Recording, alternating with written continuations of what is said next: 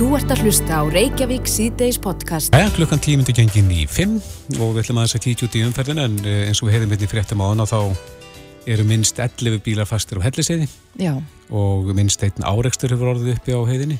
já, það segir í fréttavísi að, að aðstæður séu slæmar Mhm. og uh, blindbylur hefur gert björgunastörf erfið. Já, og svo fer maður í þessa með vefmyndavilar og vélarnarnir í kring uh, sína nú bara auðan veg nánast en uh, þessar tvær vélar upp á heiði nú veit ég ekki hvort það sé bara snjór sem situr á linsunni en, en miða við þetta þá er kavaldspilu þar bara þessa stundina. Já, En uh, Teitur Arason, veðurfæðingur hjá Veðurstof Íslands er á línni, kom til sæl Selveri, sker heiðið sér alveg úr núna í dag? E, já þetta var svona skamvind óveður, það, það er nú þessu loki núna, það er búið að batna veðrið upp á helliseiði og, og mér sýnist að sé búið að opna aftur. Já, Það sem gerist var að, að hérna, það var læð hérna vestur á landi sem að sendi úrkomusvæði yfir okkur og hérna og það hversti um tíma og, og gerði bíl á helliseiðinni. var þetta óvænt úrkoma? Uh, nei, það voru senda gulva viðvarun í gæri til, tilöfni að þessu Mm og hérna en, en uh, þetta var nú svona frekar vægul viðverun að, að því að það var nú eiginlega ekki neitt verulega vant viður svona einstæðar annars staðar en á helliseðinni nei. En það er nú búið að vera, nóg, nóg til þess að, hérna, að það var, var blind og, og, og, og fólk fór aðeins að kera hvert og annað og, og það var það blind sko og, og, og einhverju náðu að festast og, og, og það var áður en náðist að loka heiðinni já. En þrengslunum var lokað líka, ekki satt? uh, Jú, mér skilst það Og var svipuð staða þar? Já, það vendur að vera bara sem, sem, sem ástöður. En hvernig lítur þetta út núna framöndan? Já, Það hefur verið svolítið, svolítið gulur lítur á kortónum öndahörnum? já, við erum búin að vera, það fór í lok ársins 2021, þá fór svona vestna verið og fór að koma gular og appisýrum gular viðvarnir og allan í janúar erum við búin að vera först í svona það sem við köllum umhleypinga sem að þá skiptist á sunnanátt með hlýjendum og rigningu og svo aftur vestanátt með kaldara veðri og snjójéljum. Við erum búin að vera svolítið först í þessu minnsti núna bara allan janúar en uh, eftir daginn í dag þá uh, lendum við inn í köldum loftmassa sem við verðum í útvikuna þannig að það voru frost á öllu landinu og svona snjókoma eða jél svona af og til sem að uh, í flestum landslutum eins og við segjum Já, en hæglættis viður öðru leiti? Um, já svona tiltöla rólegt svona með það sem verið hefur Já. Þannig að þá eftir að bæta aðeins í snjóin þá vantarlega víðast hvar. Uh, já, það er svona þegar við, áður en að vikan er úti þá verður verður að, að vera allir landslutar búin að fá sinns ganta snjó, já. Og eitthvað vind líka þó hann verði nú ekki allan tíman. Er þetta ekki svona nokkuð klassíst fyrir janúarmánuð, Teitur, að, að ég man nú eftir bara hér í fyrra held ég og þá var sprengilagð í janúarminni með um, um þetta byll? Jú, jú það, það er hérna, janúar er, er oft, uh, er oft órólegasti mánuðurinn. Það, þá er svona, er veturinn í uh, hámarki hérna á norðukveli og, og, og það er nú yfirleitt svona þessi hitamunur á milli heimskautaloftsins og síðan mildaloftsins úr, úr söðri sem að myndar þessar lagðir sem að koma síðan til okkar. Mm Og síðan er, er það aðeins svona breytilegt eftir því hvernig staða kjærfana er, hvort að læðirnar eru allar að koma á, á, á Ísland eða, eða hvort það er fara eitthvað annað. Já, já. En Er- við höfum sem sagt verið akkurat í læðarbrautinni núna alla janúar. Er, er kuldi í kortónum eins langt og þú sérð? Eh, Já, það, það er svona, eh, ég, ég vil ekki tjá mig mikið meira en, en bara út þessa viku og, og það, það er bara, er, fro- virðist að vera bara frost á öllu landinu eh, eftir daginn í dag, út vikuna. Já, akkurat. En þeir eru búin að aflýsa þessum guðla lit núna og allt dottið á í dúnalogn uh, upp á heiði. Mm, Já, svona, það er kannski ekki alveg það sama að það sé ekki viðvörun og það sé gott viður, sko. Það er allavega ekki svona talið ástæð til að hafa veður viðvörun, en það, þetta er nú svo sem ekki, ekki alveg algott veður. Það snjóar nokkuð víða á landinu núna, en, en, en svona á lálendi hérna Sunnalands, að nættu sjámáli, þá er, er, er þetta orðin, eh, orðin rigning, kom aðeins lít loft með þessari leið sem að ná- náði þó ekki nema rétt upp á lálendi á Sunnaverilandinu, þannig er ekkert norður. Þannig að öll snjókoman, öll úrkoman sem fellur í þessari leið fyrir norðan er bara snjókoma. einmitt. En þú sagðir á hann Nei, teitur að... á morgun, Já, Fyr- Já, fyrir ekki, ef það lýsa þessu, það er, það er rólegt og fallegt vetraveður á, á öllum vesturhelmingi landsins á morgun. Það það verður kallt og, og, og, og hægur vindur. Nokkuð fallegt veður. en Það verður svona leiðindan norðanæðingur og austan, austan megin á landinu. Lítsátt á jéljum. já, já. Vestling, vestlendingar, þeir, þeir hérna hvart ekki við því, en að hún nefndir hérna á hann að það væri búið að opna heiðin aftur. Já, E, þrengslin eru ennþá lokuð, sýnist mér hérna á síðu vegagerðarinnar. já, einmitt. En Teitur Arason, viðfræðingur hjá Viðstof Íslands, kæra þakki fyrir þetta. Já, takk svo neðist. Bless, bless. Þú ert að hlusta á Reykjavík síðdeis podcast. Reykjavík síðdeis, uh, heilsan, hún er og á að vera náttúrulega í fyrsta og þriða seti. Já, svo sannarlega. Án heilsuna þá höfum við ekki mikið. Nei, En eh, hefur þú farið í gegnum uh, þessa flottu hérna skimun hjá Kára Nei. ég nefnilega hef ekki gert það, þannig ég bara kalla hér með eftir það Kári Stefánsson bóði mig í slíka. Já, En þetta var, er, ég, við, við vitum að það voru fjölmargir sem fóru í já, þessa skimun. eða skoðun. Skoðun, já, þetta er í raun og veru heilsufars skoðun Já, og, einmitt. og þannig eru skoðaðir ymsir þættir heilsunar.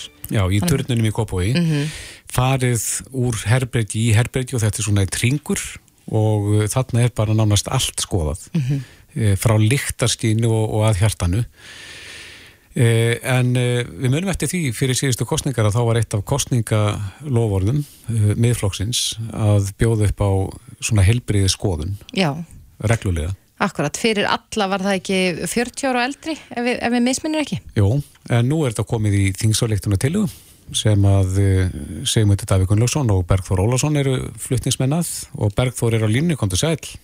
Já, sælverði. Já, út af hvað gengur þessi tillaga ykkar? Nú þessi tillaga gengur út á að forma það sem við vorum að tala fyrir í kostningabaröftunni að, að öllum ístendingum 40 ára og eldri væri bóðið upp á gjaldfrálsa heilbriðis skoðun eða skimun á 30 ára fresti. Við teljum þetta að vera skinsanlegt til þess að svona ná að stíga inn fyrr en annars væri þegar, þegar sjúkdómar er að grafa um sig og uh, við teljum einsýnda kostnaður sem af þessi, þessu líst muni sparast uh, markfalt bæði hvað varðar kostnað í heilbriðiskerfunu beint á síðari stígum og síðan aftur bara varðandi aukin lífsgæði borgarana. Hvað myndi þetta kosta? Er komin vermið á þetta? Það er ekki, það er nú svona hluta þeirri vinnu sem að heilbriðisráðina er uppálagt að, að, að vinna en er, er svo greining en við teljum teljum vist að, að kostnaðurinn sem af þessu hlýst eins og ég segi muni sparast markvart bæði með einum hætti helbreyðskerfinu og síðan í, í svona bara aukinni vinnuþáttöku, aukinum lífslíkum og þar höfnum til göttunum. Þannig að þegar, þegar báðarliðar peningsins verða, verða skoðaðar þá, þá verði þetta með arðsömmustu verkefnum. Mm -hmm. Bergþór, þekkist þetta annar staðar í heiminum að, að já, heilu þjóðurna séu skeimaðar með þessum hætti? Ég þekki það nú ekki hvort að heilu þjóðurna séu skimað með þessum hætti en, við auðvitað höfum uh, reynslu af Íslandingar að standa okkur bísna vel í þessum efnum þó að, þó að svona, menn hafi mistið sig núna á síðustu missurum svona í ykkur samingi meðal annars varandi krabbaminnskimanir og þess aftar en, en ég held að sko ef við horfum bara á með hvaða hætti okkur hefur tekist að, að framkama þær skimanir á fyrirstegum með hvaða hætti til að mynda sko utanum haldum bólusetningar í tengslu COVID uh, gengur fram þá, þá er allt sem bendir til þess að við getum náð bísna góðum árangri með þessum hætti mm -hmm. og, og þeir sem eru kannski svona líklegastir til að hafa uh, svona undirlikjandi krankleika eru því miður oft hópar sem eru sko veikar efnaðslega Og, og, og, og kannski draga þá eða, eða sleppa því að fara í, í skoðun sem þessa í stað þess að uh, á móti því að sá hópar sem betur stæður er hefur geta veitt sér þessa uh, þjónustu hinga til og alveg öruglega bjarga mannslífum og alvarlegri veikingum, veikindum en annars hefur komið upp. Já, við nefndum hérna áðan Kára Stefansson og þessa flottu heilbríði skoðun sem hann bauð upp á hafið þið kynnt ykkur hvernig, hvernig það verkefni gekk fyrir sig? Í sjálfu sér ekki, ég bara fagna því að, að, að Íslandska erðagreining hafi farið af stað með slíkt verkefni en, en það var í sjálfu sér hvorki, hvorki svona tilefni, ég, svona var það svona þessi skoðun okkar neitt aðlugu því sérstaklega en, en ég held að, held að sá afmarkaði hópur sem þar var kallaðu til, ég held að ef við yfirfærum það á, á landsmenn alla yfir, yfir 40 ára aldri þá getum við náð alveg gríðalögum árangri og, og, og starrendinu auðvitað svo að við þurfum í hilbriðiskerfinu að fara að svona huga meira að fyrirbyggjandi þáttum heldur en heldur en því að, að stíga bara inn í þegar allt er komið í óefni. Mm -hmm. Helbriðiskerfið eru auðvitað já, mjög ofta á vörum allra landsmanna það nú er mm, spítalinn en þá neyðarstíi en ég sé hér í ykkar eh, þingsáletuna til og að þið í raun og veru viljið ekki að þetta verði aukna hvaðir á ofinbæra heilbríðiskerfi heldur að gefa einhverjum stopnunum tækiverð til að taka þátt í þessu sjáu þið fyrir ykkur að þetta væri verkefni sem að já, engaðilar myndu þá framkvæma? Já, okkur þykir það alveg einsýnt að, að, að þeir væri að mörguleiti bæði væri það skinsanlegt og, og það eru mikla líkur á að, að engaðilar væri bara betur til þess fallnis heldur en yfirlest að ofinbærkerfið og, og, og þannig, þannig að þetta er alls ekki hugsað þannig að sé að bætast viðbótarverkefni á til að mynda landsbítalan heldur einmitt að enga fyrirtæki og stofur út í bæ, svo má segja geti framkvæmt, framkvæmt þessar skoðanir og, og, og, og það verði svona, það muni síðan aftur létta á til nóbundarakerfi. Hversu ítalega er þið svona skoðun? E, það eru auðvitað útvarslu atriði sem að, sem að þarf að vinnast með uh, sérfræðingum og helbriðis ráð þeirra uh, þess tíma sem, að, sem þetta verður innleitt En, en, en það er auðvitað þáttur sem er hægt að eh, svona að nokkru marki að stilla af og vinna sér áfram með. En ég, ég myndi nú að telja bara með með að við hvað er hægt að skoða sko, samhangandi sem að segja innan sömu, sama, sömu skoðunarinnar þá, þá ættum við nú að horfa til þess að, að, að það er frekar vítt svið heldur en þrönd Mm -hmm. En eh, já, þið leggir fram þessa þingsváltuna til og, og setið þetta þá í hendur á helbriðsráð þeirra. Eh, telur þú af þessu verði að það verði tekið vel í til ykkar tilugu? Já, miða við viðbröðin sem við fengum uh, þegar við fór, fer, uh, byrjuðum að tala fyrir þessu, þá kennaði mjög óvart ef að þessi er ekki vel tekið. Uh, og uh, þannig að ég er og þetta er svona eitt af forgangsmálum miðflokksins á þessu kjörtímabili þannig að, þannig að það kemst til efnislegar meðferðar Þannig að, já, ég, það kemur mjög óvart ef, ef það er ekki vel tekið þessa tilhugum. Og það er líka fyrir þá sem eru þarna úti 38 ára gamli núna og hugsa ákveður bara við færtu. Það, það er þarna inn í þessar útfæslu uh, huga því að, að þeir sem eru inn, uh, yngri en, en 40 ára þeir geti komist inn í sambærlega skimun sko sé talin ástæða tilefni til bara út frá, frá sjúkrasögu uh, ætterni eða, eða þarfum til göttunum og, og með vísan, vísan læknis þannig að, mm -hmm. þannig að yngri hópar er ekki, ekki útilokkaði frá þessu en, en, en þarna horfum við til þess að þetta verði þortagslös réttur þeirra sem eru 40 ára eldri. Já. Þórti, ég spurði hvort að þú ætti að vona því að þetta fær í gegn. Ég, ég sé að þið eru bara tveir flutnismenn á þessari tillu. Var ekki þetta smala fleirum með? Eh, það, það var nú í sjálfu sér eh, sko, eh, ekki gerð neins sérstækt tilrönd til þess í þetta skiptið. Við setjum þetta fram í rauninni sem uh, útfæslu á þessu stefnumáli okkar í kostningunum og, uh, og það er mjög algengt að, að, að flokkar sem að, er að færa, færa stefnumál sín í, í búning sem þennan uh, taki fyrstu framlagningu þannig að engangu flokksmenn eru á. Þannig að, þannig að það þarf ekki að lesa neitt sérstaklega inn í það. Akkurat. Já, það verður spennand að sjá hvernig þetta fer en Bergþór Ólásson, eh, þingmaður miðflokksins. Kæra þakki fyrir þetta. Heiru, takk fyrir samtalið. Heyrum síðar. Bless. Þetta er Reykjavík C-Days podcast. Það er alltaf að koma fram nýjórn nýjar upplýsingar. Maður getur stundum alvorður ringlaður.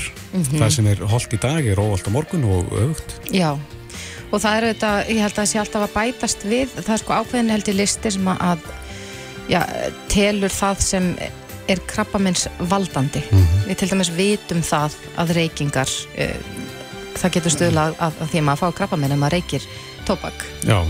það er bein tengsla millir tóbaksnótkunar og, og krabbamina Akkurat, og menn deil ekkert um það lengur. Nei. En við ákomst hérna á grein á netinu það sem er sagt af stórri eh, rannsók, það sem að fylst var með 150.000 einstaklingum yfir áratug og niðurstöðu þeirra rannsóknar e, síndu fram á að það eru beintengsla milli e, þess að neyta alkohóls og að þróa með sér krabbaminn. Mm -hmm. Og svo skilst mér að Danir er nú nýlega búin að gera já, stóra rannsókn á lipnaðarháttum Dana mm -hmm. og hvaða er sem að já, veldur krabbamenni. Jemi. Á línunni okkur í dag er Jóhanna Torfadóttir sem er næringa og líðhelsu fræðingur hjá krabbamennsfélaginu. Kom til sæl Jóhanna. Komið sæl. Er alltaf að bætast á þennan lista hvað, hvað veldur krabbamenni og hvað ekki? Um, kannski ekki svo mikið svona síðan uh, kringu 2007 þegar við byrjaðum að leggja sérstaklega áslá að byrsta neðurstöður og mataræð og reyfingu til dæmis mm -hmm. að það hefur ekki breyst mikið síðan þá En Danir, þeir voru að gera stóru og viðmekla konun, af hverju komist þeir?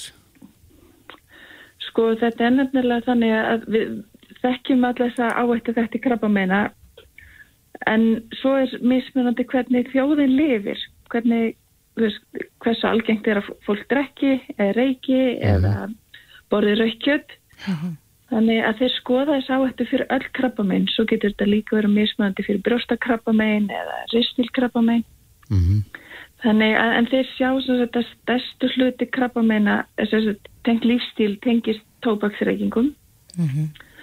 Eða um 15% og svo er það næsta sólagislanir Svo kemur þarna líkansþyngdin, hún hefur ásif, uh, síkingar, alkoholneisla og, einmitt neisla á, á unnum kjötverum. Mm -hmm. Og þannig er líka að nota hérna tíðakvarahormona og, og, og seyfingaskortur. Akkurat, þannig að þetta, allir þessir lífstíl tengdu þættir spila inn í? Já, þeir gera það. En, en, mikið eftir tegund krabbamins. Akkurat. Getur við svona nokkur nefn borðið okkur sama við Dani? Við held að nú, við lefum kannski ekki nákvæmlega sama líkstil og Dani en við erum nú frændur okkar. Þannig að það er kannski ekki svo ólíkt. Já, það er svona nokkri þættir líkir en, en nokkri er ólíkir og við til dæmis höfum verið að ná greiðarlega góðum árangri með tóbak á Íslandi. Það er halsasmenni tíðinni dagleira reykinga á Íslandi heldur með Danmarku. Mhm. Mm Ja, þeir eru langt á eftir okkur þar. Áfengi. Já, þeir eru, já. Og það er náttúrulega gríðarlega flottar árangur í Íslandi hvað eru orðinni fáir úlingar sem reykja. Mm -hmm. Ætla að spili þar inn í að, að uh, Danir þeir framleiða síkaretur? Um, við vitum ekki alveg endilega ástæðunar en, en það var farið í svona viðtekar aðgerðin í Íslandi bara með sínileika, þetta væri einhvers staðar ekki sínilegt og að hérna auðvitað banna þetta á, á veitingastöðum og þess að þetta var farið hérna, í flottar aðgerir en mm -hmm. þetta er líka græsrótin og íþróttafélagin allt félagstarf fyrir börn. Þannig að þetta er svo margi þætti sem skipta máli. Já, ég er nú ekki íkja mörg ár síðan að ég var stattur út í Kaupmannöfn og var í svona vestlunumustuð og þar var bara mannestjan á, á undan mér á legin upp rúlusti og hún var bara með síkaretu eins og ekkert var í sálsögur þannig að þeir eru svolítið Já. eftir þarna. Já, ég myndi segja það. Og auðvitað líka að leifa unlingum að kaupa áfengi. Mm -hmm þannig að það, það er annar viðmiðunar aldrei þar þannig að það, já, það eru margir þættir sem skipta máli mm -hmm. En eins og við nefndum hérna í, í, í upphafi að þá rákust við hérna á uh, rannsókn þar sem að í raun og veru komi ljósi þeirri rannsókna að, að þeir sem að neyta áfengis að þeir eru meiri hættu á að þróa með sér krabbamenn. Eru þetta ja, nýjar upplýsingar eða vitum við það að, að krabbamenn, eða sérst að áfengi geti verið krabbamenns valdandi? Já, það hefur verið vitað talsveit lengi. Og þess að í raun og veru allir meldingaveðurinn er það undir. Þar sem að áfengi snerstir e, inn í, inn í okkur þegar við innbörum að áfengi það, það er allt hérna, aukinn krabbamenns á þetta. Allt frá munni og neyri andatharm og þess að líka aukinn á þetta á krabbamenn í livrinni og í brjóstum hjá konum. Já, og vélinda samkvæmt þessari rannsók. Já. En það er nú ekkert íkjaland sem við tölum við þig eh, vegna frétta sem bárust um það að fólk sem að neytir áfengis að það er líklega til þess að ná nýræðu. Þannig að þetta stanga svolítið á. Já, við, við rættum um því viðtali að þeir voru kannski, þeir voru að skoða eldra fólk bara. Mm -hmm. Og voru sérst þá að hérna bera sama við þá sem ekki drukkuð. Þeir voru jáfnveil þar sjálfur höfundinni með þá tilgáttu að þeir sem væri orðin svolítið veikir væri þá jáfnvel hættir að drekka áfengi. Og það voru sagt, við getum ekki dreyið mjög sterk hérna sagt, orsakatengsl í því samingi Já, við þurfum að vera með alveg heilbriðan hóp þegar, í byrjun þegar við skoðum áfengisnislu Já, og fylgjum þannig eftir hvort þið fái sjúkdóma akkurat. Eh, Sko, ef við vitum það samt sem áður að- eh, já, áfengisneisla geti valdið krabbaminni eins og þú segir í öllum meldingaveginum um, telur einhverja líkur á því að það verði farið í já, fleiri aðgerðir en við þekkjum nú þegar til þess að draga úr neysla áfengis í, í því skyni að, að minka tíðinni krabbamins Ég veit allavega margir horfa til Íslands. Hér er margt jákvægt í gangi að það, þú þarfst að vera tvítur til þess að mega vesla áfengi. Er, þetta er í svona sér veslunum heldur en ekki með öðrum matverum. Þannig að það eru marga takmarkanir hér á Íslandi sem eru jákvæðar þegar við erum að hugsa um þess að krabba með sávættu. og eru færri sem að neyta áfengi sér heldur en við annar staðar? Já, það er betur staða, sérstaklega líka með Danmörk.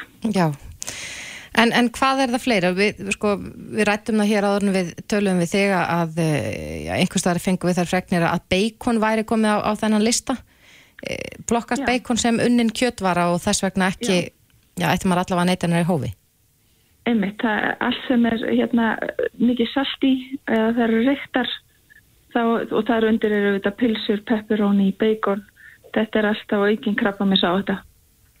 Já, Já það er vand lifað. Akkurat Já, sko, við erum svo sem ekki að segja endilega að það þurfi að algjörlega forast þetta. Það er bara að þú vitir því meira sem þú neytir af áfengi eða því meira sem þú borðar af unnum kjöturum, þá eikst áhættan. Mm Ekki það endilega að þú fái krabba minn. Nei, bara að áhættan verður meiri áhættan verður meiri og hérna þú getur gert þetta líka margt jákvæmt fyrir hilsuna þó þú leiðir þetta af og til -hmm. En, en bara hafa því í huga allavega að, að því meiri neysla því, því meiri er áhættan Á það ekki við í þessu eins og mörg öðru að allt er gott í hófi?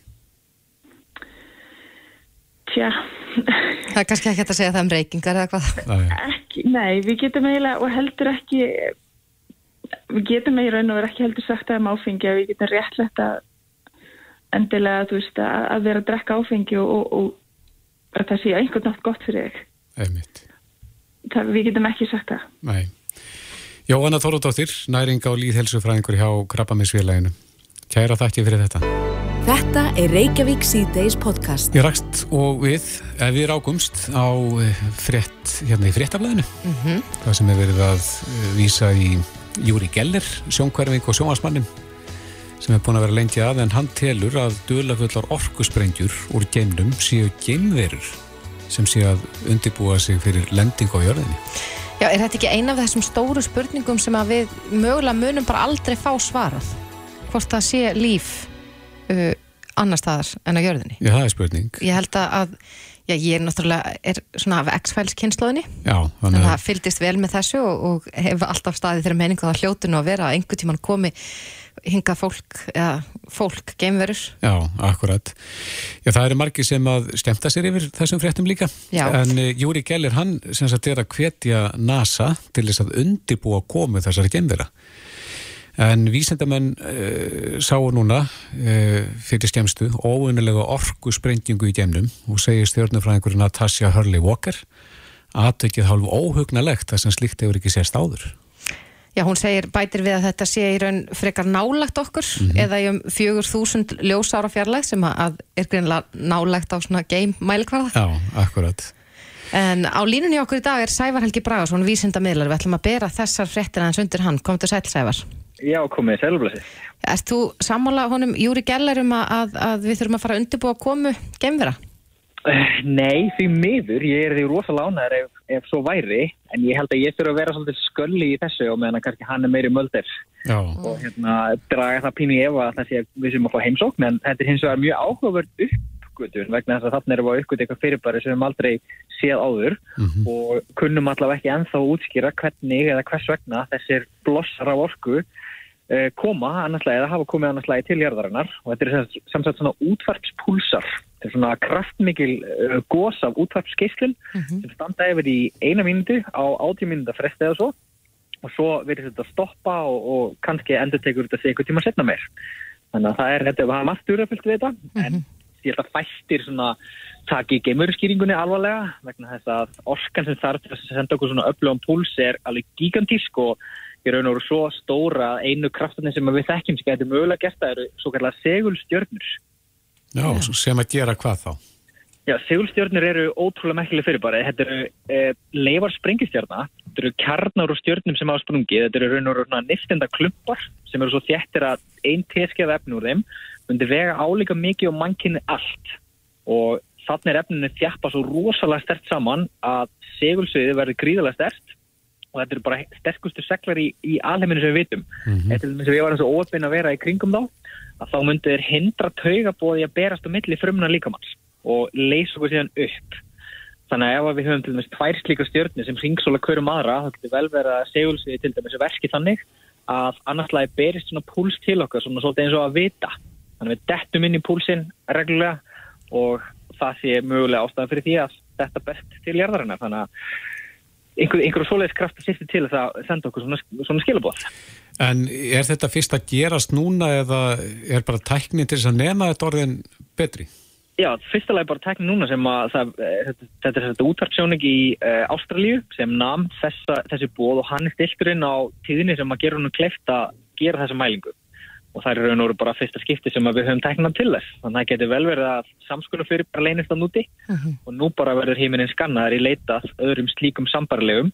Þetta er náttúrulega ekki fyrsta skipti sem við finnum svona dölufull fyrirbæri. Einu sem til dæmis fundum við uh, fyrirbæri ára 1967 sem heita TF-stjörnur og það er svona eins og vitar sem að senda okkur alveg rosalega reglulega púlsa af orku og fyrst þegar vísindamenn fundu þetta þá voru þeir kallaðir SGM eða Little Green Men að þetta var svo nákvæmt og, og reglulegt. En svo komi ljósa um leifar sprengistjarnar var að ræða. Uh, setna með fundu við síðan aðra blossa sem þetta gammablossar mm -hmm. sem eru svo öflögur að þeir getur til dæmis eitt líf á jörðinni og eitt slíkur springi í nákvæmlega nokkar sem betur fyrir engi slík stjarnan álagt okkur. En við höfum áður fundið svona dölfull fyrirbæri sem ekki kunna að skýra strax. En bara með betri þekkingu og betri mælingum þá höfum við náða átt okkur á og leysa ráðgötuna sem er mjög skemmtilegt líka. Mm -hmm. En það er nú þessi eiginlega ráðgötum hvort að það sé lífa á öðrum nöttum. Er, er vísindamenn bara svona statt og stöðugt að rannsaka það? Hvort að það geti Já. verið að, að það sé jafnvel bara önnur jörð einhver staðar? Já, við erum að leita og við getum náttúrulega svo sem leita endurlust þá til að leitum á okkur allan grunn en margir af þeim leiðangurum til dæmis sem við erum að senda út í geiminu og nýjir geimsjónungar þeir ganga mörgu leiti til dæmis út af það að leita öðrum plánundum þar sem líf getið þrefist og bara dæmi það eitt James Webb sjóningin sem var skótið lótt um jóluleitið. Þannig að vísundamenn eru alveg e, bara í raun og drækit í efum að það hljóta að vera einhver reykistjarn úti sem að geti líkst okkar, jörðin okkar, mm -hmm. en við höfum bara ekki anþá fundin eina því miður, en vonandi, vonandi, þá er þetta, þetta hérna púls í 4000 ljósar og fjallag skilabóð til okkar og það var í ótrúlega gaman ef svo væri. Já, ég hef það verið skemmtileg skilabóð. Já, ég held að, en þetta bara þau einu sér að þau voru að láta okkur vita þegar það er værað núti, þá var ég bara mjög ánægilegt mm -hmm. einu sér en, en eins og segi, þá þurfti slíka orku til að þetta var mögulegt, svona hundra sinnum meiri orka heldur en það sem við þekkjum hinga til og það eru bara raun og veru stjórnur og upplugust og þéttustu stjórnuna sem að uh, við getum ímynda okkur mm -hmm. sem að hérna, geta þá, bara eitt dæmi með svona tipstjórnur sem að eru þessar segulstjórnum sem við talum, það eru frekar lítil fyrirbæri en alveg gífurlega þétt, það eru kannski svona á starfi, þú veist, höfuborgarsvæðið eða eitthvað svo leiðis og það snúast líka alveg gífurlega hratt kannski á starfi og hraða á, á við bara borfi eða eitthvað þess að þar. Þannig að ég geti ímyndað eitthvað kúlu sem væri svífandi yfir bæ eða borg og snerist álíka hratt heldur eins og þóttavel eða eitthvað ennþá hraðara og bara gífurlega stert segulsvið og svona sem myndi tæta okkur í sundri við hættum okkur og nálægt. Þannig að þetta eru spennandi fyrirbæri. Mm -hmm og svo sem alltaf verið að rannsaka og komast að einhverju nýju en, en eh, Já, sem betur fer og það er náttúrulega það sem gerir þetta skemmtilegt. Við erum alltaf að fá sífilt betri mælutæki til þess að afhjópa nýja lendudóm alheimsins og það er bara að væri glata að við myndum aldrei finn, finna neitt sem að yll okkur ekki í heilabrótum Nei, sem við hefum ekki séð eða hert af áður. Já. En uh, þessi nýji sjónöki James Webb, er hann farin að stila einhverjum myndum ekki en þá, nú er verið að stilla hann inn á heiminin og hann er að stara á eina tiltekna stjórn og stjórnuhimnunum til að svona fókustilla sig. Mhm. og þegar það er að því hann er með átjón spekla þá sér hann í raun og átjón myndir af henni núna. En núna á að hlýðra speklunum til þannig að úr fái eina mynd sem sagt réttan fókus. Og síðan verður vegalengdin á milli sapspeilsins stóra og ykkurspeilsins sem er, tekur á móti ljósinu og varpar því í myndavelarnar að það er verið að sinna stilla vegalengdin á milli þannig að hún sé rétt. Þannig að raun og veru mætti segja að það sé verið að tjúna sjónaukan svona eins og hljóðfæri er tjúnað. Og munum við sko. já, munum við sjá mun lengra með þessum heldur en uh, fyrir sjónökum? Já, við myndum gera það. Við myndum sjá uh, stjórnir sem að kviknuðu kannski 100 miljón árum eftir miklikvelli, eitthvað svo leiðis. Það er það lengsta sem við getum séð með þessum tiltekna, í þessu tiltekna ljósi. Þannig að hann mun afhjúpa elsta ljósi í alheiminum frá fyrstu stjórnunum og líka gera okkur kleift að svona, taka fingraförun af andrumslofti annara reykistjarna. Það er lendi leita af ummerkjum um súrefni og kól, koldíóksíð og eitthvað þess að þess og vonandi finnum við eitthvað slíkt í andrumslofti annara reykistjarna sem hafa komið í leiturnar á undanförnum árum. Já, það verður greiðlega spennandi að fylgjast með því þegar að betur. við þurfum að sjá afraksturinn af þessu verkefni en Sævar Helgi Bragason, vísindamiðlari Takk kærlega fyrir spjallið Á Bilginni podcast. Nú eru komin, já, tvö ári í COVID ástandi og uh, já, það er innan við tvö ár síðan að fyrsta samkomu bannið tók gildi. Ég man eftir deginum sem að, ég bara heyrði þetta orð fyrst, samkomu bann. En uh, nú er svolítið tekist á um það hvort að uh, já, þessar sóttvarnar aðgerðir, þessar ráðstafanir sem við búum enn við og takmarkanir, hvort að þær reynilega eigi sér stóð í lögum. Við vitum það að, að þetta má ekki ganga lengra en nöðsinn krefur í að takmarka frelsi fólks og það hafa þó nokkrir svona líst yfir svona ákveðnum evasemdum um, um hvort að þessar hörðu takmarkanir uh, standislög. Ein af þeim er á línunni, Sigriður Andersen, fyrirandi þingona og ráðherra, sæl. Komið sæl. Já, þú segir að það sé ekki stóð í lögum fyrir þessum aðgjörnum sem að nú eru vel í því. Ég bara benti á það að ég var eind eftir því að, að sótvarnalögin eins og þeim var breytt fyrir árið síðan til að skerpa á valdheimildum uh, stjórnvalda. Þau uh, gera ráð fyrir því sem, sem að reyndar var þau gildi áður en að lögunum var breytt en þau gera semst ráð fyrir því með skýrum hætti núna að það skul ekki beita uh, þessum ofinbyrju sótvarnar ástöðunum sem eru skilgreynd í lögunum nema brín nöðsinn krefji til að vernda, til verndar heilsu og lífi manna eins og það er orðað í lögunum.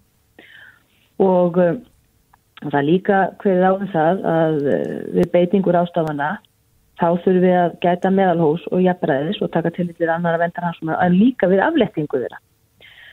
Um, þessi svo sem sjónamið tel ég nú og held ég og flestir áfræðingar að þetta hafi þetta átt, við áður en að lögunum var sérstaklega breyta því þetta er svona bara grundvallar reglur í íslensku stjórnsýslu. Það er að segja að að menn grýp ekki til neyðar rástafana nema það sé brí nöðsinn og þá skulle það standi yfir í skaman tíma og þar fram til göttunum.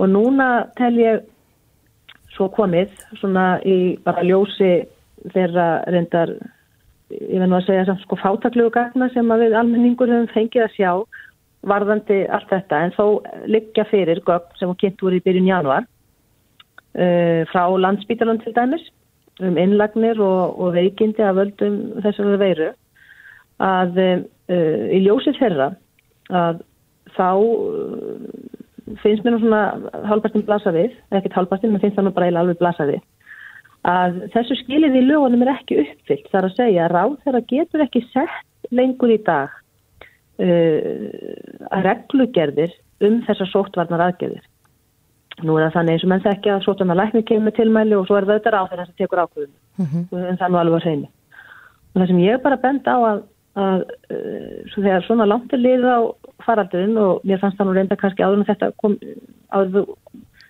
fyrir nokkur síðan en látum það nú vera. Staðan í dag eins og hún er þannig að menn lögðu til harðar aðgerðir í byrjun janúar og lögðu þá frá, fram spá líkan um innlagnastöðu og gjörgæslustöðu á landsbyttalan og spáin var, ég veit ekki hvort þið munið eftir það var svona svart sínsspá og svona meðalspá og bjart sínsspá síðan uh, var greipið til harðra aðgerða og þeir voru, voru svona her, herstar aðgerða nokkur til og setna jafnvel en frekar en það sem að upp á stendur er að þetta spálíkan hefur ekki gengið eft- eftir, ekki einu sinni bjarsínasta spáin sko. Þannig að... Var það út af þessum hörðu aðgerðum sem var greipið til? Svo er það nú annað, uh, svo vitum við það nú ekki heldur, en það viðist nú vera vegna þess að menn hafa nú ekki heldur lagt nú mikla rætt við það að mínu mati að, að kannski reyna að greina allar þessar aðgerðir hverja fyrir sig og reyna að velta því að hans upp hvaða aðgerðir er að virka og hverja er ekki. Nú var að koma út uh, rannsókn hjá John Hopkins háskólanum núna fyrir nokkum dögum. Það er einmitt að vera að velta þessu upp og bera saman ýmsa rannsóknir frá ýmsum löndum um til dæmis það sem kallaði lockdowns og það er niðurstaðan að, að, að þess að lock, lockdown almennt hafi ekki haft mikil svona lífhelsu áhrif uh, svona umfram margar aðra aðgeðir. Mm -hmm. en, en látum það nú vera, en við lítum við erum stöld núna á þeim tímapunkti að, að gögn var að sína okkur það og, og það eru gögn sem sóttan að þið vil þess að hafa sjálf lagt fram og spítalinn að það er ekki veikindi og spítalinn er ekki að bugast og, og það er fram til götun. Ég er reyndar að þeirra skoðun að það sé ekki hægt að grípa því sóttarnar aðgerða af þeirri ástæði veitni að spítalinn geti verið að bugast. Laugin um, um ofinbæra sóttarnar aðgerðir, þau, þau eru ekki að þau eru ekki sett með hagsmunni landspítalan sérstaklega í huga sko. Nei. Það var eitthvað aðeins meira að koma til. Akkurat. En þetta er mitt ástu staðan eins og hún er ránu núna og þá tel ég að það sé ekki hægt að viðhalda þessum aðgerðum með þessum hætti eins og verður að gera uh, ég tek það fram að nú það kann að vera að mönnum finnist mjög nöðsynlegt að hafa einhverju aðgerðið í gangi en þá segi ég, þá er komin sá tíma að það er löggefin sem þarf að þá að setja þá þær reglur með lögum mm -hmm. og eftir þinglega meðferð og umræð um það. Já, nú hafa bæði helbriðisráþara og forsætisráþara brugðist við eh, já, þessari gaggrinni í dag og sagt að það sé að sjálfsögðu stóð fyrir gildandi aðgerðum í lögum og að, að já, staðan sé metin frá degi til dags mm. en uh, það er svona kannski eh, er áhugavert Ég, ég, ég, reikna ekki með því að heilbrið þeirra hérna, ef hann er samfærður í hjarta sínu að, að reglugerðirnar þessi reglusetningar því gegn lögum að hann gerir það. -huh. að það breytir því ekki að, að hérna að þetta eru þetta ákveðið mat og mér finnst, mér finnst að blasa við að uh, það sé ekki hægt að halda því fram í dag með þeim gögnum sem að fyrir líka að þess að brína nöðsinn berir til að setja þessar reglur með þessum hætti. Nú kann eins og ég ef viljum vilja menn hafa þessar reglur áfram þá verður það að fara fram með lagasetningu. Mm -hmm. Það hefur vakið aðtegli, Sigriður, að, að já, gaggrinni á sóttvarnar aðgerðir og, og mögulegt lögmæti þeirra eða ekki hefur oftar en ekki komið frá sjálfstæðismönnum. Það eru bæði þingmenn og, og fyrirvændi þingmenn sjálfstæðisflokksinn sem að, að já, vilja aflettingar.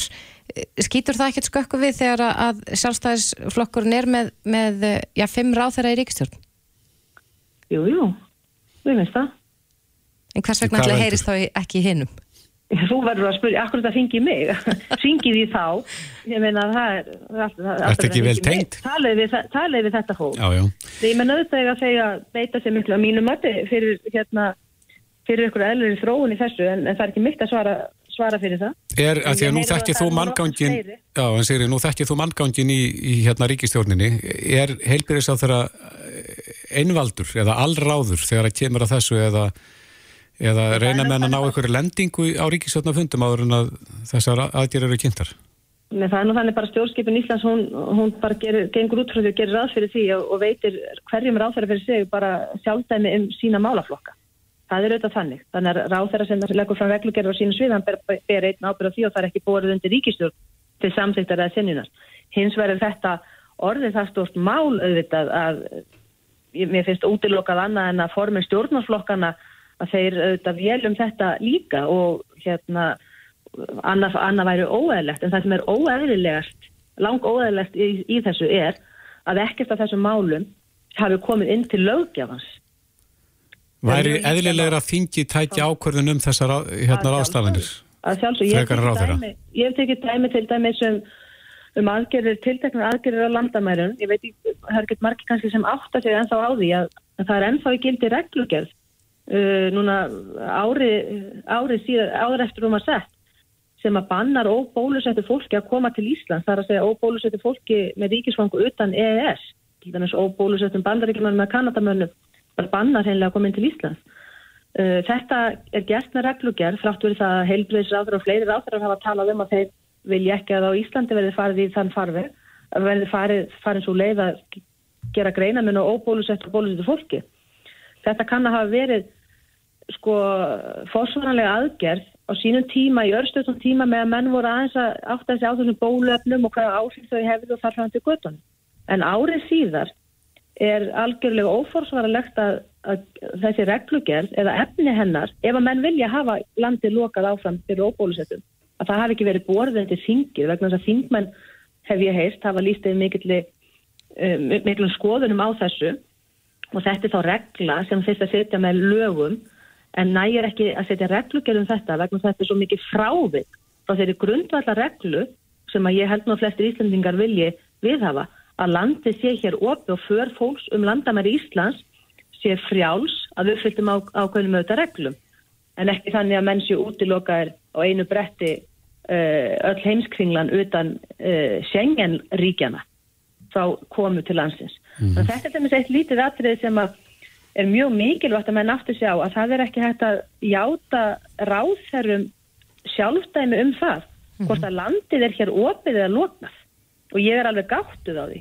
að þingmenn sem að hafa nú haft mikinn áhuga á landamærum og landamæramálum að þeir hafi ekki látið sér heyra og kalla eftir þessu málinn í þingið en látið þessa reglugerðir þessa og fleiri uh, matla hérna áfram uh, í gildi. Það má séðan auðvitað bera það undir domstóla hvort að þeir hafi lagastóð en, en þetta er allt saman með miklum ólíkitum og þarf að komast í miklu betri farveg. Mm -hmm. En Sigur, óttast þú að ríki gæti verið bótaskilt ef þetta dregst ennu meira á langina að, að afletta gildandi takmarkunum? Sko, ég held að það sé voða sko, langsótt ekki lögfræðilega en að fara að tala um einhverja bætur fyrir, fyrir eitt af þessu. Ríkið hefur tekið, haft forgöngum það að bæta til dæmis uh, hérna, rekstraðarinn fyrirtækja, mm -hmm. rekstraðarinn veitingastafa, borga þeim einhverjar sem þeir kalla bætur. Það er auðvitað ekkert hægt að gera það með þessum hætti áfram. Ég menna það er ekki skattgreðanda að bæta mönnum tjón sem að stjórnvöld hafa ákveða valda þeim sko. Þannig að það, það er líka ákveðin þáttur sem að þingi þarf að hafa einhverja skoðun á og þarf að vera einhver aðeins fastari, hérna, fastari skorðum en það er nú, þetta er nú frekar í hug sko, einstaklingu sem vil halda upp á vera með hundra manna veistlu sko. Ég menna ákveðnar, þetta fikk fjárhastjóna, ákveðin miskabót, einhverja miskabótur sem hann geta átt, á hendur ríkinu. En, en þetta er allt mjög langsótt og alveg finnst mér ekki raunhaft að vera að tala um það, menn þurfa bara að koma þessu málum í hérna í einhvern farveg. Menn þurfa að e, horfast í augu við það að það eru tvör liðna sem faraldri. Það er ekki það er ekki samræðin við íslenska stjórnskipan á landinu sem stjórna hér í svo, í svo ríku mæli um svo mikilvæg, mikilvæg réttindi sem að þetta allt varðar með reglugjörðum viljum en við hafa þessar reglur þá er það að fara á þingið. Já, Sigriður Andersen fyriröndi þingona og ráð þeirra Kæra þakki fyrir þetta Já, mjög var ánæg. Reykjavík síðdeis á bylginni. Um helgina uh, rakst ég á ansi áhugaverða grein þar sem að borgarleikustjóri segir að það uh, já, sé erfitt að halda út í stórum síningum leikusana þrátt fyrir að búi sér slaka á samkominntakmörkunum. Stýranlega. Og þetta er sennilega vegna þess að einsmetra reglan bara gengur ekki upp í, mm. í uh, þessu samiki. Næ. Og nú í dag þá fengu stjórnvöld áskorun og þetta er samræðshópur tónlistarinnar á Íslandi mm -hmm. sem að skora á yfirvöld að falla frá einsmetarreglunni þegar í stað á skipulöðum viðbörðum. Já. Á línni okkur í dag er Íslefur Þórhalsson sem er formaði Beat bandalags íslenskra tónleikahaldara. Komdu sæl. Hæ. Já, út á hvað gengur þessi áskorun? Þið viljið metran burt? Já, við hérna erum að benda yfirvöldum á það að það verðist vera vilji hjá þeim til að opna hluti og hleypa hlutum á stað það er verið að hérna, opna barina og þeir með að vera opnið til gleynið og selja áfengi og svona það verðist vera algjörlega núna stefnana að opna samfélagið og vera ekki með neitt loka lengur mm -hmm. og það sem við erum að benda þeim á að það skiptir eiginlega næstum því engum máli hvað hólfin eru stór ef að einsmetareglan er ennþá við gildi vegna þess að hún er eiginlega svona flöskuhálsin sem brefur all Hvernig, hvernig kemur hún út hjá ykkur? Já, þetta er, þannig, að þrátt fyrir að hérna, þrátt fyrir þessu nýju reglur og slaganir, þá erum við í tónleikahaldinu alveg að stoppa áður. Mm -hmm. En hvernig kemur hún út? Það er þess að hvernig þurfum við þið að haga eitthvað málun til þess að framfylgja henni? Já, þetta þýðir þá í raun og veru að við getum ekki selt nema svona cirka 60-70% af sætunum í salnum og það þýðir bara að budgetið fyrir tónleikana gengur ekki upp. Það er bara ekki fjárhagslega gerlegt að setja neitt á stað. Er þá annarkvært sæti aukt? Já, það er náttúrulega fyrir eftir því hvað hver kaupir marga miða. Þú veist, ef allir myndi kaupa tíu miða þá er að nýta fleiri sæði. En, en, svona, en svona af meðaltælu þá er þetta svona cirka 30-40% sætunum sem það getur ekki selt. Og það er bara þannig í tónleikahaldi að, að stannsetta þúsumannasal eða 1500 mannasal, það gengur aldrei upp og þú getur ekki selt 30-40% sætunum. Það er þar sem að þetta gengur upp, það er þar sem að kostnað, sem að þú nærðu upp í kostnað og ef það situr eitthvað eftir þá er það bara síðustu 10-20% sætunum. Þannig að þessi salir og allt í kringu, þetta er bara það dýst að þetta gengur ekki upp og við erum bara jafn stopp og áður. Sko. En hvað með svona standandi viðburði? Hafa þeir bara ekki verið uh, núna í tvö ár?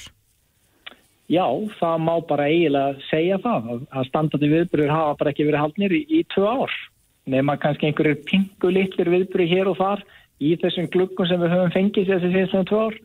En, en, en ef, þú, ef þú ert að tala um rekstur að tónleika haldsgeirin komist á stað og að, og að íslenski tónlistamenn geti haldið tónleika sem þeir geta lifað af, þá, þá er það jafn stopp og áður og þetta er mögulega bara á einhverju miskilningi byggt. Eins og ég segi, ég, ég, ég, ég skinni ekki annað en vilja til að hleypa hlutunum á stað.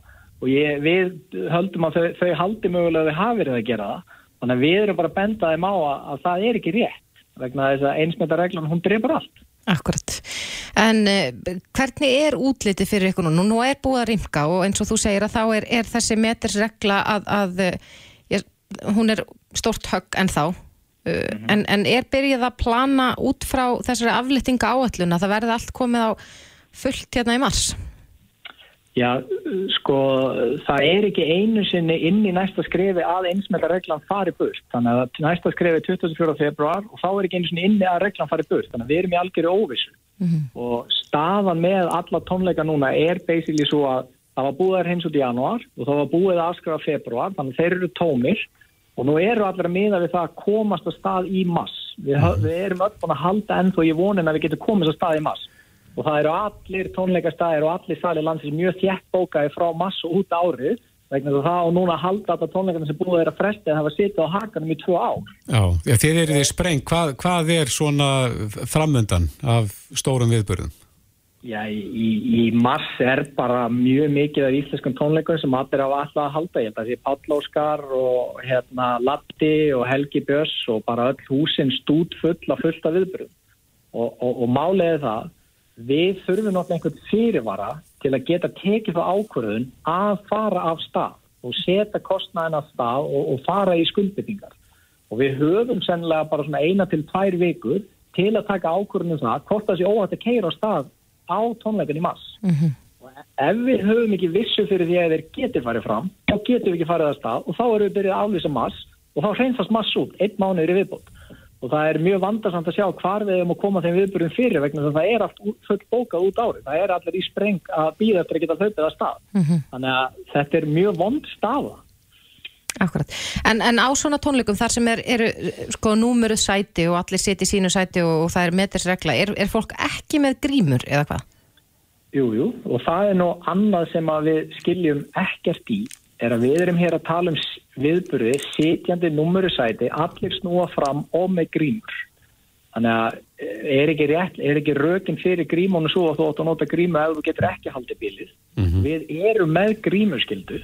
Þannig að eins og ég segi, við, við bara sjáum ekki lókíkina í þessu. Að það sé farað auki á skipulegum viðburðum þar sem allt er under kontról, að það sé líka þessi einsmætið regla sem drefar allt. Já. Þannig að þetta er áskoran frá ykkur að þessu verði kipt í liðin og því fáið ykkur svona vissu fyrir því hvað, hvernig framaldi verður? Já, við bara skorum á yfirvölda áskipulegum viðbyrjum það sem að öll þessi skilir eru til staða, numru sæti snúa fram á grínuskilda, að þá sé einsmetareglan fallin út, þannig að við getum komist að stað og byrja að halda viðbyrjum mass. Já. En Ísi, að því að við erum að tala um það að menn er í spreng, innlendi listamenn, en, en að því að þú ert nú hjá senu líka, eru margir stórir listamenn sem að býða eftir að koma, komast til landsins?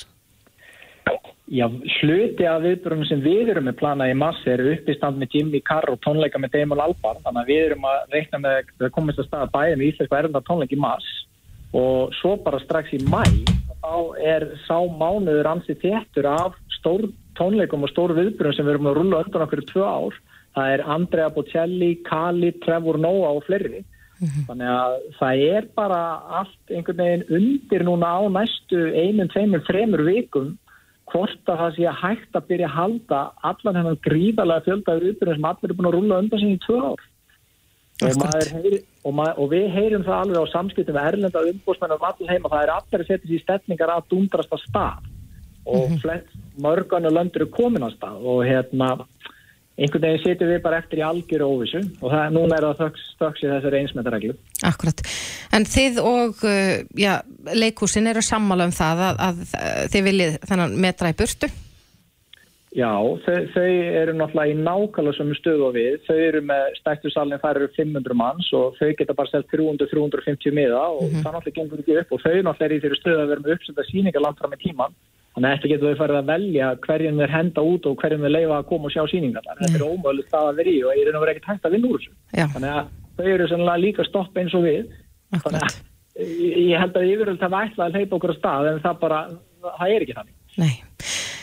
Það verður spennand að sjá hvort að uh, brúðist verði við þessari áskorun en Íslefur Þórhalsson, formaður BÍT, bandalags íslenska tónleikahaldara. Takk kærlega fyrir þetta. Hlustaðu hvena sem er á Reykjavík C-Days podcast. Árgengur garð, þá fer uh, já, oftar, oftar en ekki af stað einhver umræðum áfengisneislu. Mm -hmm. Það er margir sem að setja sér markmið á nýja ári um að draga úr henni. Kanski aðra aukana, ég veit ekki. Það er ólíklegt reyndar. Já, ég líka. En hins vegar þá uh, er núna þetta er síðasti dagur janúarmánaðar. Ég held að þessu margir sem fagna því. Þetta er 50 mánudagurinn í þessum langa mánuði. Allt og margir mánudagar. Allt og margir mánudagar. Mm. Mér finnst það svona lýsandi fyrir þannig janúarmánuð. Hvað eru margir mánudagar hann? En við rákumst á áskorun sem að ber heitið Edruar. Já, í staðin fyrir februar. Já, Já að vera Edru í februar. Mm -hmm. Og það er já, fyrirtækið akkurat sem að selur heilan hellinga af uh, áfengislausum drikkjum mm -hmm. sem að stendur fyrir þessar áskorun og, og Andri Árnason, einn af eigundum akkurat er hinga komin til okkar, kom til sæl Sæl, takk fyrir að fá mig. Er þetta ekki bara nákvæmlega þetta, að vera etru í februar? Jú, þetta er eiginlega bara það að, að taka februar stöttum mánu 28 dagar, hann henda vel í, í þetta, þessa tilraun. Og markmið okkar með þessu er að e, er eiginlega þrýþætt það er fyrst, fyrsta lagi að kynna þess fyrir fólki hvaða góðu áfengislösu valkostir er í bóði. Það er svo stutt síðan að þetta var bara pilsner og e, appelsín með, gren, með, með sírópi úti og, og svo einhver krakkakampáinn en, en þessi, þessi valkostir í dag eru orðnið svo margir og innlend framlegsl orðin flott í þessu og kokteilar og freyðivín og svo mikið þetta að veljum mm -hmm og síðan langar okkur líka bjóða fólki bara og peppa fólk sem hefur áhuga að taka þessa áskorun annarkost að, að sleppa alveg áfengi í februar eða minka neysluna og áfengi og skoða hvaða áhrif það hefur það hefur margvíslega góð áhrif að sleppa áfengi og þetta er fýtt mánuð til að að tjekka í þau bóks og, og sjá hvernig, hvernig gengur mm -hmm. Eru margir eh, að drekka fyrir bræðið fyrir ekkar heldur en áhrifin eða výmuna? Já, er það ekki?